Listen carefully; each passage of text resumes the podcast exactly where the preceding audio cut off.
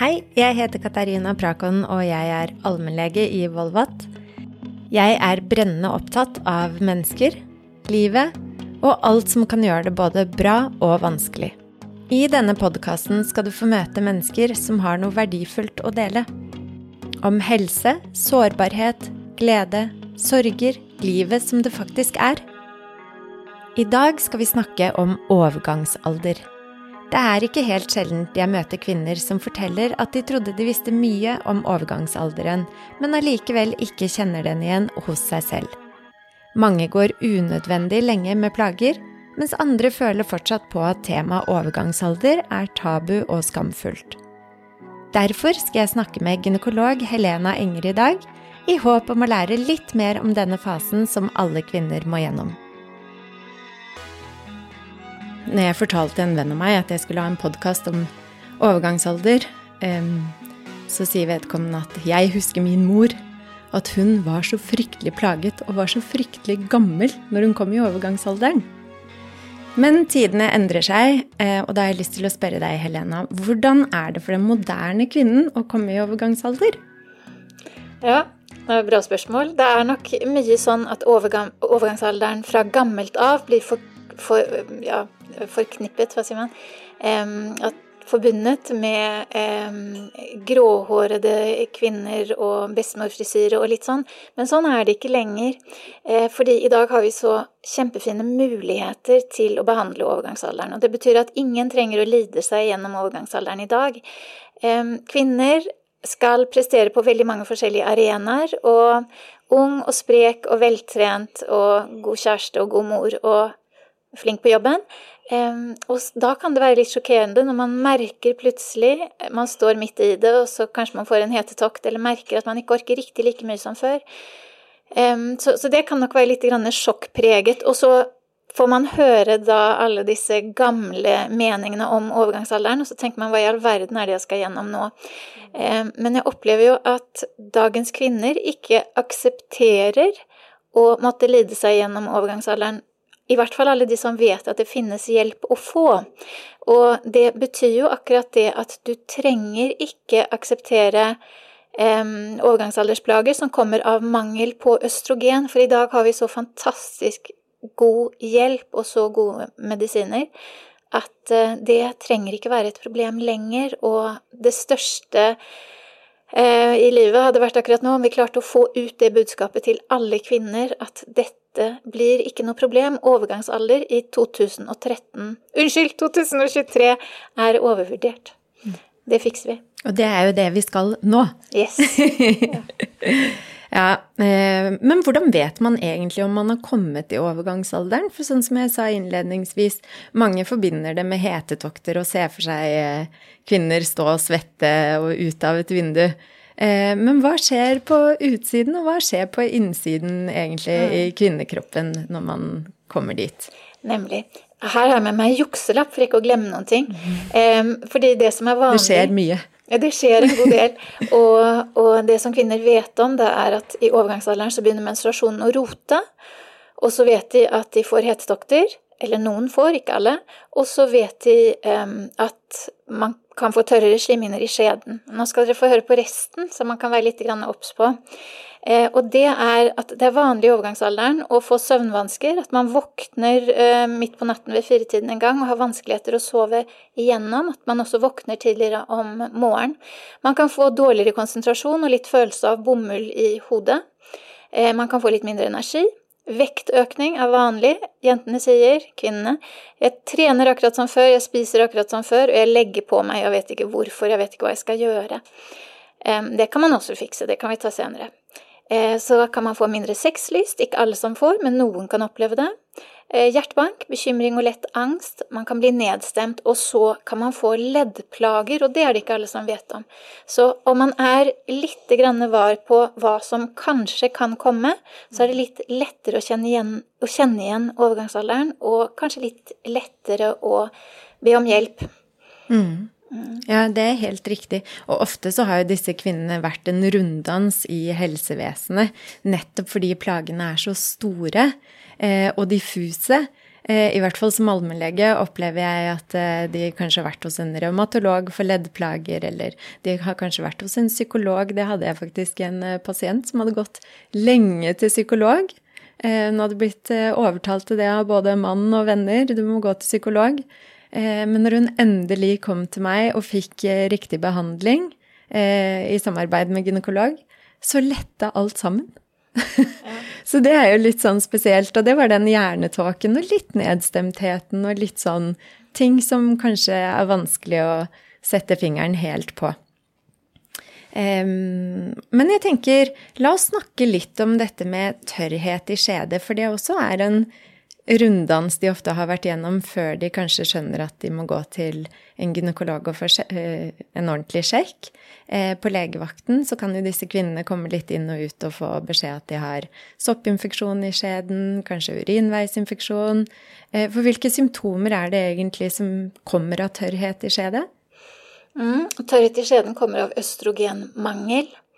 Eh, og så finnes det jo andre ting som kan lage tørrhetsfølelse i skjeden også, f.eks. som en del hudsykdommer. Eh, lichen eller eksem eh, kan også gi eh, følelse av tørre slimhinner. Og så finnes det noen ting som heter vestibulitt og vaginisme, som jeg også er veldig opptatt av. Og det er en smertetilstand i underlivet som eh, føles som eh, litt sopp og litt urinveisinfeksjon. Og om man har det, så er det bekkenbunntrening som er letteste måten å, å bli kvitt det på.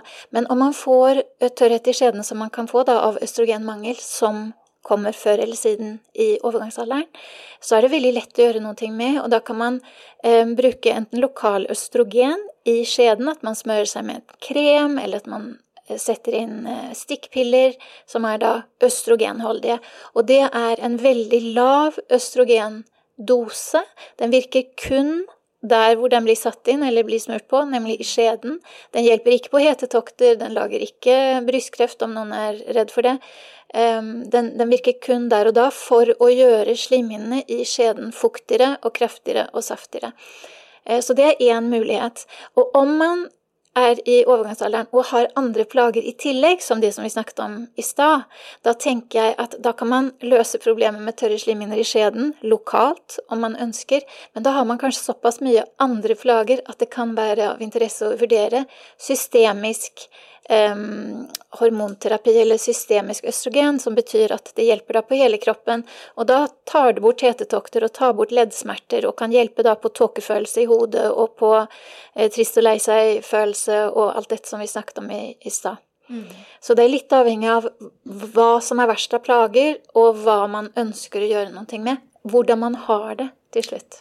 Vi må ta en ordentlig runde på behandling i overgangsalder, og du må fortelle helt praktisk eh, hvordan man går frem. Men aller først så har jeg lyst til å bli værende litt lenger ved disse plagene. Eh, for det eh, alt det diffuse går jo utover livet, og livet det skjer, det stopper jo ikke opp når du kommer i overgangsalderen, ikke sant? Det er barn som flytter ut, det er store påkjenninger, kanskje en deadline på jobben og en mann som er der, og som må ivaretas. Eh, hvordan opplever du eh, Hva skjer med sexlivet til disse kvinnene som starter eh, overgangsalderen? Det er veldig forskjellig, um, men det som skjer da, det er jo at um, vi kanskje kan si det sånn først, at menn har vesentlig høyere testosteronverdier enn kvinner har. Og kvinners testosteronverdier er fallende, det er det for så vidt hos menn også. Um, og noen kvinner kan oppleve De kommer, og så sier de at at jeg ikke har hatt menstruasjon på et år, kanskje, og svette gjør jeg, og jeg sover ikke om natten og har vondt i kroppen. Og sex husker jeg ikke når jeg tenkte på sist. Jeg har ingen tanke lenger, jeg har ingen lyst. Um, og det opplever jeg etter hvert som problematisk, eller det savner jeg, eller det savner min mann, eller, eller hva, som, ja, hva som blir problemet. Og det har da med dette å gjøre at nummer én så har vi synkende østrogenverdier eh, som, som, har sine utfordringer. Og så synker man da også i testosteron, som er det hormonet i kvinnekroppen som er ansvarlig for lyst. Mm. Um, og da er det sånn at akkurat som med hormonterapi, som hjelper på østrogenmangelrelaterte symptomer, som vi snakket om i stad, så kan man da i dag, i 2023, gi kvinner testosteron, eh, som hjelper da på lyst, som gir litt mer energi, og som også gir bedre søvn, for å nevne noen. Så det er absolutt en mulighet om det kommer en kvinne og sier at har, ikke noe lyst lenger, tenker ikke noe mer på sex, savner det.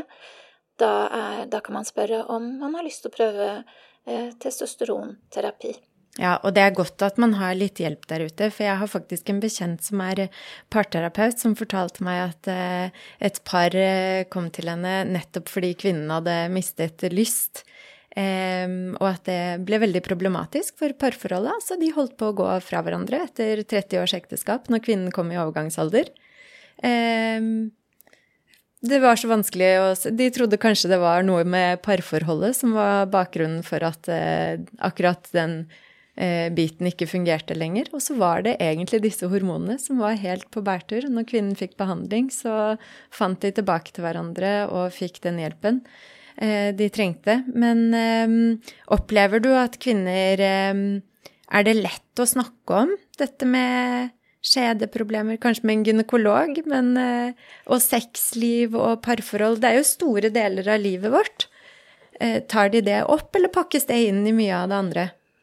Nei, Gynekologer er kjent for å spørre og grave om ting som ikke alle har lyst til å snakke om, kanskje.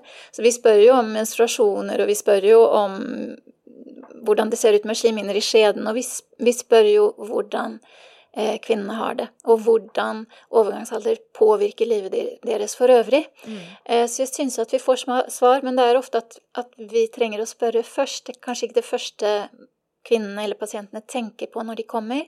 At når jeg kommer til gynekolog, så skal jeg ta opp dette med sexlysten min. Det går kanskje ofte først i jeg trenger en celleprøve, og så svetter jeg så veldig om natten. Og så er det noen ting som kommer etter hvert. Og mm. det som er vanlig, det er eh, når vi har kvinner som kommer og har problemer med overgangsalderen, eh, så, så, har vi jo først på en måte en undersøkelse for å se hvordan det ser ut, og en kartlegging litt grann, hva ønsker kvinnen, hva kan vi tilby, hvordan kan vi hjelpe? Og så er det ut ifra Norsk Kvinneforening sine retningslinjer anbefalt en kontroll etter sånn tre-fire måneder. Eh, og da går jeg igjennom med mine pasienter hvordan funket det. Ligger vi i riktig dose? Var det greit å bruke krem eller spray eller gelé eller hva de nå bruker? Føler du at du er i mål? Eh, sover du bedre om natten? Har du mer energi? Hvordan er det godt med sexlysten din? Hvordan er det godt med sexlivet? Hjalp dette her? Og da er det noen som sier at det hjelper så veldig å være uthvilt. Mm. Ikke sant? Og ikke være, måtte være sint hele tiden og, og trett og sliten og lei seg. Og, og føler at de er i mål. Så er det noen som sier at jo, jeg har, jeg har fått det mye bedre, men eh, det har ikke hatt veldig stor påvirkning på på sexlisten min. Og da tenker jeg at det er, og det sier jeg jo også, det er ikke så rart, for østrogen er ikke det hormonet i kvinnekroppen som er ansvarlig for sexlisten. Det er testosteron, og da får, eh, får man i stort sett spørsmål om man ønsker å prøve. Og bare sånn at det er sagt, noen kvinner eh, prøver og sier 'dette var bra for meg, dette ønsker jeg videre', og noen prøver og sier at 'tja, vet ikke', har, har kanskje ikke merket så kjempestor forskjell, eller syntes kanskje ikke at det var riktig som forventet. Så, så, det er kvinnen selv som bestemmer er dette noe man ønsker å fortsette på, eller er dette noen ting man er glad for å ha prøvd, og så kan man bestemme selv hva man ønsker mm. videre.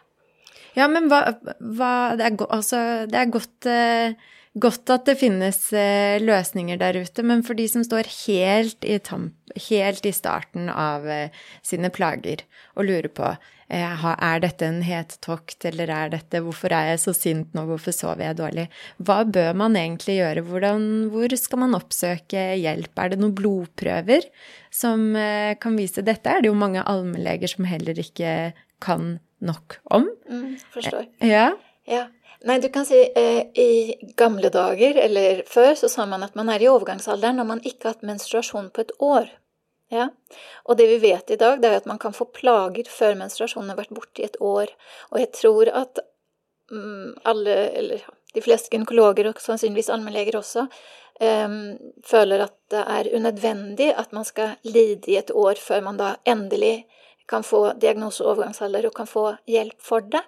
Men det kommer jo forskjellige folk til oss. Det er noen som kommer, og så spør jeg når var siste menstruasjon. De kommer så sier de jeg skal selvprøve. Og så spør jeg når var siste menstruasjon. Ja, åh, nei, det var lenge siden. Det var to år siden. Så jeg oi, ja, hvordan går det da? Og så sier de jo, nei, det går bra. Og så begynner vi å spørre om symptomer, og så kan de hake av omtrent på alt. Og så sier jeg men det høres jo ikke helt ut som livet er strålende når du ikke sover om natten og har hetetokter og vondt i leddene og er trist og lei deg. Det er jo ikke sånn optimalt kvinnehelse, tenker jeg. Da har du ikke så godt som du tenker. Så å nei, ja, kanskje ikke. Det kommer langsomt, det kommer snikende. Det er ikke alltid så lett å oppdage. Og så er vi så tilpasningsdyktige ofte Medet. som kvinner spesielt, som skal gå gravide, og som Altså, man er lært opp til å være snill pike og tåle det man står i, så det er sikkert en faktor, det òg. Absolutt. Men det man kan gjøre da, det er jo at om, om, jeg tenker at dette høres noe veldig ut som overgangsaldersplager, så pleier jeg å spørre om de har lyst til å prøve hormonterapi. Og, og, det man kan gjøre da, det er at man prøver i tre måneder. Og så pleier jeg å si at vi avtaler en kontroll. Om det er sånn at du tenker at dette var bortkastet, eh, dette gidder jeg ikke, det er ganske sjeldent, eh, så, trenger, så trenger man jo ikke komme til den kontrollen. Da kan man avbestille. Men når man tenker at dette var deilig, eh, nå ble jeg meg selv igjen, ja, da avtaler vi en kontroll, og så ser vi, som jeg sa i stad, hvordan man ligger, er det riktig dose, er det riktig medikament, er det noe vi kan forandre på, er det noe mer vi må ta tak i, f.eks. sexlyst.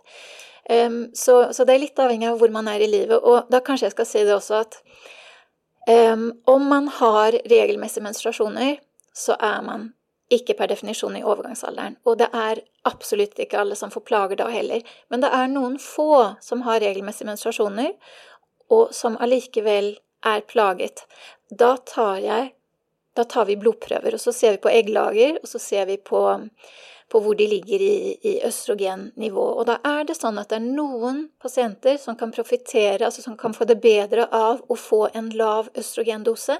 Fordi at vi vet at de siste to årene før man går inn i overgangsalderen, så har vi veldig svingende verdier. Eh, og da kan det være sånn at man ene måneden føler seg som 17 år, og neste måned som 70. Og det er litt avhengig av hvor gode eggstokkene da er på å lage nok østrogen. Og det er som sagt svingende. Så Litt avhengig av hvor man er i livet. De fleste trenger ingen blodprøver, men noen trenger vi på en måte å få kartlagt. F.eks. om man har en innesittende hormonspiral og ikke hatt menstruasjon på flere år, pga. hormonspiralen. Da er det av og til at man trenger å finne ut er dette overgangsalderstegn, eller er dette bare fordi at du har en spiral som undertrykker din menstruasjon. Så hvis jeg har forstått det riktig, livet, og det vet vi jo, er ikke svart og hvitt. Det er heller ikke overgangsalder. Det går ikke an å ta én prøve som viser du er i overgangsalder, eller du er ikke i overgangsalder. Men sammen med symptomer og andre ting, så kan man eh, tenke seg at man er på vei inn i det. Og så har man ulike behov og plager som gjør at man kan prøve behandling tidlig eller senere i forløpet. Stemmer det? Ja, det er riktig. Og de aller fleste trenger ikke å ta noen blodprøver.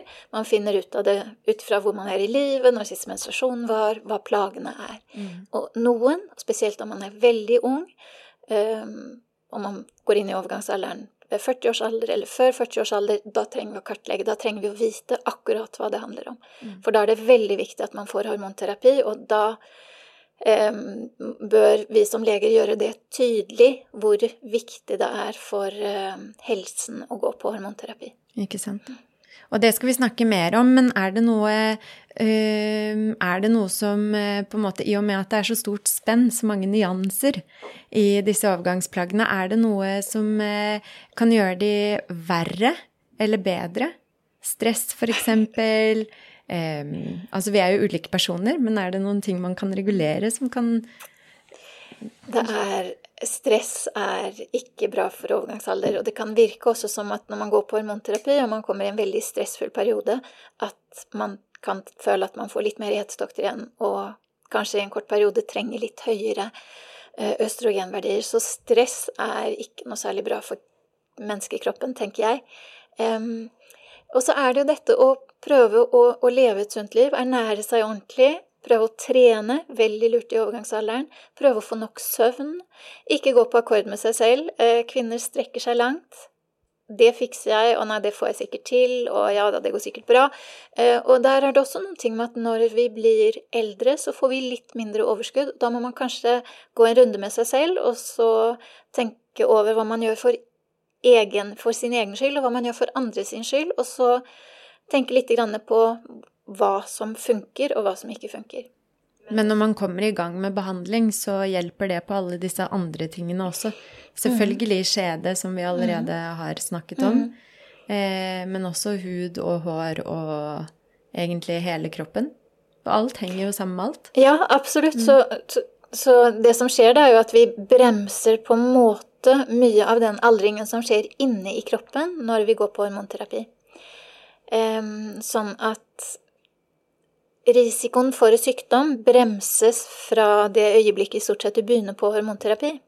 Eh, og det betyr at om du begynner med hormonterapi når du er si 52, og så sier vi at du går på det i ti år, for det er lett å regne med Når du da er 62 i år, så er du faktisk 52 i kropp. Altså da har du utsatt åreforkalkning, hjerte-karsykdom, benskjørhet, eh, risk for diabetes og tykktarmskreft og risk for demens og alzheimer og leddplager, for å nevne noen. Det har du utsatt på en måte med ti år, for da har du hatt den beskyttelsen fortsatt som østrogenet gir deg. Og det spiller ikke noen rolle om det er ditt eget østrogen, eller om det er østrogen i, um, i uh, ja, medisinsk form, da. Og vi har muligheten i dag å gi både østrogen og progesteron, som passer på livmorslimhinnen for alle kvinner som har en livmor, og det har jo de fleste. Eh, det spiller ikke noen rolle da at det er tilført østrogen, for det er det som vi har mulighet til å gi, eller beste preparatene, eh, de er bioidentiske, og det betyr at de er helt like det østrogenet og det progesteronet som vi lager inni våre egne eggstokker. Ja. Så det er Hormonterapi, østrogen og progesteron, er helsefremmende. Det løser et problem her og nå, og så forebygger det sykdom faktisk senere i livet. Så kvinner som går på hormonterapi, har lavere dødelighet og lavere sykelighet enn kvinner som ikke går på hormonterapi. Og det betyr i klartekst at det faktisk er farligere å la være å gå på hormonterapi enn å gå på hormonterapi. Det vet ikke norske kvinner, og da er litt av det vi driver med i dag, er jo å prøve å spre dette glade budskapet. Eh, sånn at kvinner vet hva som finnes av, av, behandlingsmuligheter som de aller fleste oppfatter som veldig positivt for seg selv, egen kropp, eget liv. Ja, og det tenker jeg er et veldig viktig poeng. At det hjelper deg både her og nå, men også at det forebygger en del sykdom senere. Men så har det seg jo sånn at vi lever i tider hvor det er veldig fokus på det naturlige og eh, leve så sunt som mulig, råvarer osv. Eh, som allmennlege opplever jeg noen ganger at, eh, eller ofte egentlig, eh, at folk må overtales til ulike typer behandlinger med når tablettform eh, må innføres. Eh, at man har litt sånn eh, Ønsker ikke å ta tabletter hvis ikke man må. Og det kan være helt banale ting som en Paracet for hodepine eller for feber, til overgangsplager. Opplever du at du må overtale kvinnene til eh, behandlinger der du mener det er De får godt mye ut av det? Ja, det jeg vet ikke om jeg Ja, kanskje man kan kalle det for overtale, men jeg er ganske tydelig på hva overgangsalderen betyr, og, og, hva som skjer i kroppen, og hva vi har for muligheter å behandle, og hvor helsefremmende det faktisk er å behandle. Eh, og siden dette er kunnskap som de fleste da ikke har, så, så, er det veldig mange som er forundret og sier 'hvorfor visste ikke jeg dette her'? Hvorfor har ingen sagt dette her til meg før? Eh, og så prøver de da behandling. Det blir vi oftest enige om. Eh, fordi at også de som er bekymret og lurer på om dette er riktig, da kan man si prøve i tre måneder. Eh, alltid den mest forsiktige behandlingen med minst bivirkninger, og det er da østrogen gitt gjennom huden. Og da kan man velge mellom um, plaster, som byttes to ganger i uken, eller krem Unnskyld, ikke krem, spray eller gelé, eh, som man må påføre daglig. Eh, og, og, så må man gi noen ting som passer på livmorslimhinnen, og da er eh, mikronisert progesteron det som er anbefalt og har den aller beste risikoprofilen. Eh, og så er det dette at når kvinnene da har gått på dette her i tre måneder, og har prøvd og sett hvordan det funker på deres kropp, så kommer de til kontroll, og da ser jeg fra langt nede i gangen, så ser jeg hvem som har lyst til å fortsette. Og det er jo de aller fleste, fordi de smiler. Og så kommer de inn, og så sier de jeg ble meg selv igjen. Jeg visste ikke at jeg ikke var meg selv når jeg kom, men nå husket jeg hvordan det var å være meg, og nå, nå fikk jeg meg selv tilbake. Så jeg ville sagt at langt over 90% om ikke nærmere 95-98% er happy og, og ønsker å fortsette, fordi at etter min mening, eh, kvinnekroppen ikke er laget for å være uten østrogen. Vi har ikke noe særlig godt av det. Vi har det vesentlig bedre med østrogen enn uten. Det var min personlige mening. Det er sikkert noen som tar meg på det, men jeg tenker det er veldig fint uh, at du deler den, fordi du er jo som sagt en som brenner for dette med overgangsalder, og har skrevet en bok om det som har vært veldig god hjelp for uh, veldig mange. Boken heter Hete tokter, kalde fakta. Jeg har lest den fra perm til perm flere ganger, uh, og bruker den både for familie og venner, men også i legehverdagen min. Mye gode råd. men eh, så nå har vi snakket litt om Du har vært innom litt eh, med dette med behandling, men hvordan ser egentlig da eh, en vanlig hverdag ut for en som behandles for overgangsalder? Er det tabletter daglig? Er det krem en gang i uken? Hvordan, hvordan er dette? Rent praktisk? Rent praktisk så er det sånn at man da trenger For alle kvinner som har en livmor, så trenger man når man får østrogen, også et preparat som heter gestagen, for å passe på livmorslimhinnen. Fordi når man ønsker å hjelpe folk å bli gravide, f.eks., da, da ønsker man at man har en kraftig slimhinne. Men det er ikke det vi prøver på i overgangsalderen, og da må man passe på livmorslimhinnen, at den holder seg slank. Eh, det er viktig, for ellers kan man over tid få um, selvforandringer i livmorslimhinnen, og det ønsker man ikke. Så hormonterapien består da av et østrogenpreparat og et gestagenpreparat som passer på livmorslimhinnen og holder den slank. Østrogenpreparatet kan gis i forskjellige former, enten som plaster to ganger i uken, eller som spray som tas daglig, eller som østrogengelé som også tas Eh, daglig. Så litt avhengig av hva man har valgt um, å bruke, så påfører man da enten plaster, østrogenplaster to ganger i uken, eller spray eller gelé daglig. Og det er østrogenpreparatene som tar bort de østrogenmangelrelaterte plagene, som f.eks. hetetokter. Og det, akkurat hetetoktene, pleier å forsvinne veldig raskt. Eh, og så er det dette preparatet som man tar for livmorslimhinnen. Det heter eller det, mitt favorittpreparat da, er det som heter mikronisert progesteron. Og det man har forstått, er at det er progesteronet som er hissigst på brystvevet, brystkjertelvevet. Og om man gir mikronisert progesteron sammen med et østrogenpreparat, eh, så er det ikke økt brystkreftrisiko de første fem til åtte årene av behandling. Ehm, og det er diskusjon i hvorvidt um, man har en, økning av brystkreftrisiko um, etter det. Uh, man mener at det kan være en liten brystkreftrisikoøkning, men alder er også noen ting som gir en brystkreftrisikoøkning. Det viktigste, de viktigste um, tingene som kan lage brystkreft, er alder, uh, bryst, brystkjerteltetthet og gener. Og så på plassene bak der så er fedme en mm. kraftig økning av eh, gir en kraftig økning av brystkreftrisiko, og det andre er alkohol. Og der kan man jo prøve å styre unna i hvert fall alkoholen, og om man er overvektig, så vil det være uh, veldig positivt for kroppen da, og for denne risikoen, og man klarer å gå ned i vekt. Og det er ikke alltid like lett, men der kan man jo da snakke med sin flinke allmennlege og kanskje få hjelp om det er vanskelig å få til på egen hånd. Så det er én eh, tablett Mine pasienter får én tablett om kvelden, eh, mikronisert progesteron, og så får de da østrogen gjennom huden, enten to ganger i uken eller daglig. Um, ja. Og da, når du velger behandling, så baserer det seg på hvor mange plager de har, og hvilke plager de har?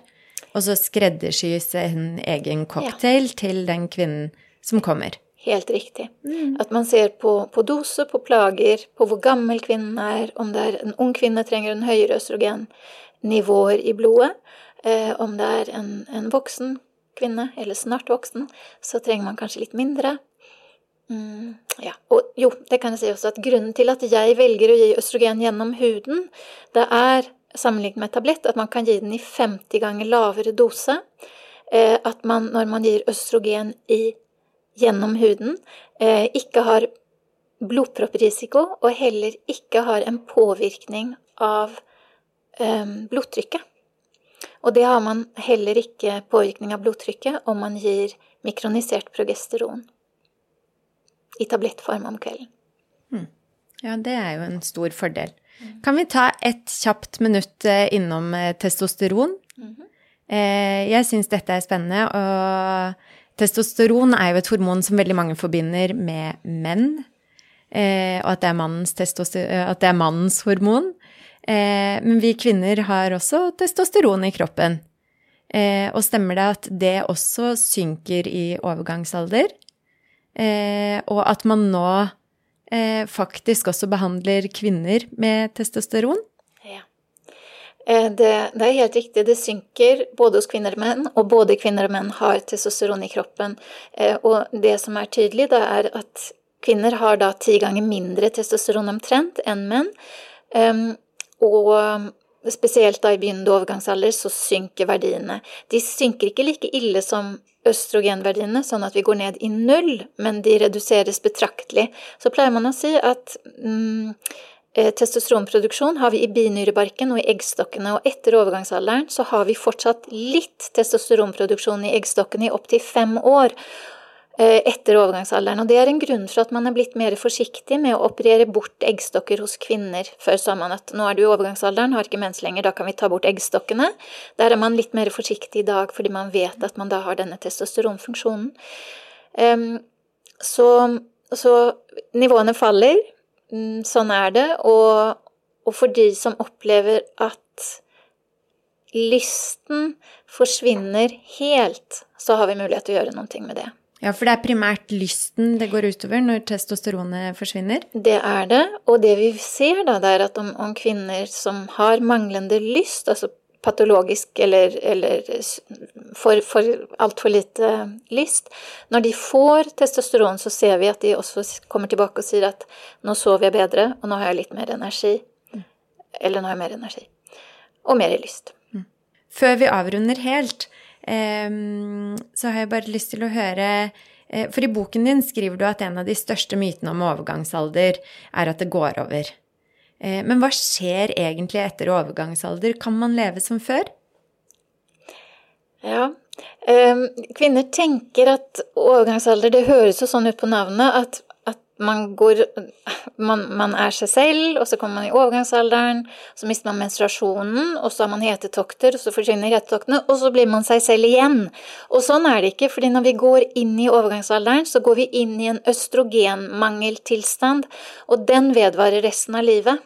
Og vi blir i snitt 85 år gamle kvinner i Norge i dag. Og det betyr at om man går inn i overgangsalderen når man er si 52, menstruasjonen slutter når man er 52, så skal man leve i lenger enn 30 år uten østrogen. Eh, og da vet vi om alle disse beskyttende effektene som østrogen har på kvinnekroppen. Forebygger åreforkalkning, hjerte-karsykdom, eh, benskjørhet, diabetes, tykktarmskreft, leddplager, urinveisinfeksjon, dråpelekkasje av urin og dårlig søvn og dårlig humør. Det vet vi at østrogen har en positiv effekt på. Og så skal vi da leve i 30 år uten denne positive østrogeneffekten. Og da, da, da, vet vi at livskvaliteten blir for veldig, veldig mange, de aller fleste, mye bedre når de får et tilskudd av østrogen. Man får ikke like mye østrogen som man hadde selv når man hadde eggløsning, men man får så mye at man blir løftet opp eh, til at man slipper plagene sine. Eh, og, og, det er akkurat dette her at um, jeg mener bestemt at dette er noe kvinnekroppen har godt av. Vi tåler ikke så veldig godt å være uten østrogen. Mm. Så denne nye fasen av livet kan man gjøre eh, forbedre ved å tillate seg å ta medisiner og få den hjelpen man trenger. Og så blir man kanskje ikke helt den samme utgaven av seg selv, eh, men en eh, ny utgave med eh, Forbedret på ett vis. Ja, en, en, ja forbedret man, man er jo seg selv. En ny utgave av kvinner som er i ferd med å bli voksne. Mm. Nesten voksne. Og da tenker jeg at vi, vi, har så mye mulighet. Vi gir blodtrykksmedisin til folk som har høyt blodtrykk, og diabetesmedisin til folk som har for høye sukkerverdier. Eh, vi behandler så veldig mye, og da tenker jeg hvorfor i all verden, når vi har mulighet mm. for det, skal ikke vi behandle eh, kvinners plager i overgangsalderen? Det Nei, det er et veldig godt poeng. Og det er jo noe med det at man har bare latt kvinner stå i det de står i, og forventet at de skal tilpasse seg. Eh, mens nå heldigvis har vi behandling. Og litt sånn som du sier, veldig interessant. Nå, jo eldre vi blir, jo lenger står vi jo faktisk i livet etter overgangsalder også, så det gjelder å gjøre den, eh, det beste ut av den tiden. Eh, men helt avslutningsvis, Helena, så lurer jeg på om det er noe mer du har lyst til å si til lytterne våre? Ja, det har jeg. og det måtte jo være Kvinner har vært redde for hormonterapi veldig lenge fordi at det kom så gale studier, eller feiltolkede studier, i 2002. Så i 20 år så har vi på en måte blitt hjernevasket med at hormonterapi og østrogen er farlig. Og det er ikke tilfellet. Hormonterapi i overgangsalderen er helsefremmende. Det hjelper deg med plager, overgangsaldersplager, her og nå, og det forebygger faktisk sykdom senere i livet. Så det er absolutt ingen grunn til å være redd for hormonterapi mot plager som oppstår i overgangsalderen. Um, og det er noe som jeg hadde ønsket at alle norske kvinner fikk vite, fordi om du ikke vet om ting, så har du ikke noe reelt valg. Man trenger på en måte å, å få den informasjonen for å kunne ta et godt valg. Så, så, i håp om at dette når ut til så mange kvinner som mulig, så får vi si heia, heia hormonterapi og heia østrogen. Det er en god ting. Absolutt. Og i Kina så betyr overgangsalder en ny vår. Eh, jeg tenker at eh, den samtalen vi har hatt i dag, eh, bærer litt preg av det. Du har så mange gode råd og mye god kunnskap som jeg håper kommer ut til folket. Og vil takke deg for denne praten. Tusen takk selv. Tusen takk for at du hørte på i dag. Hvis du syns dette var spennende, del det gjerne med de som burde høre det. Følg oss i podkastappen din, så høres vi neste uke. Ha det fint!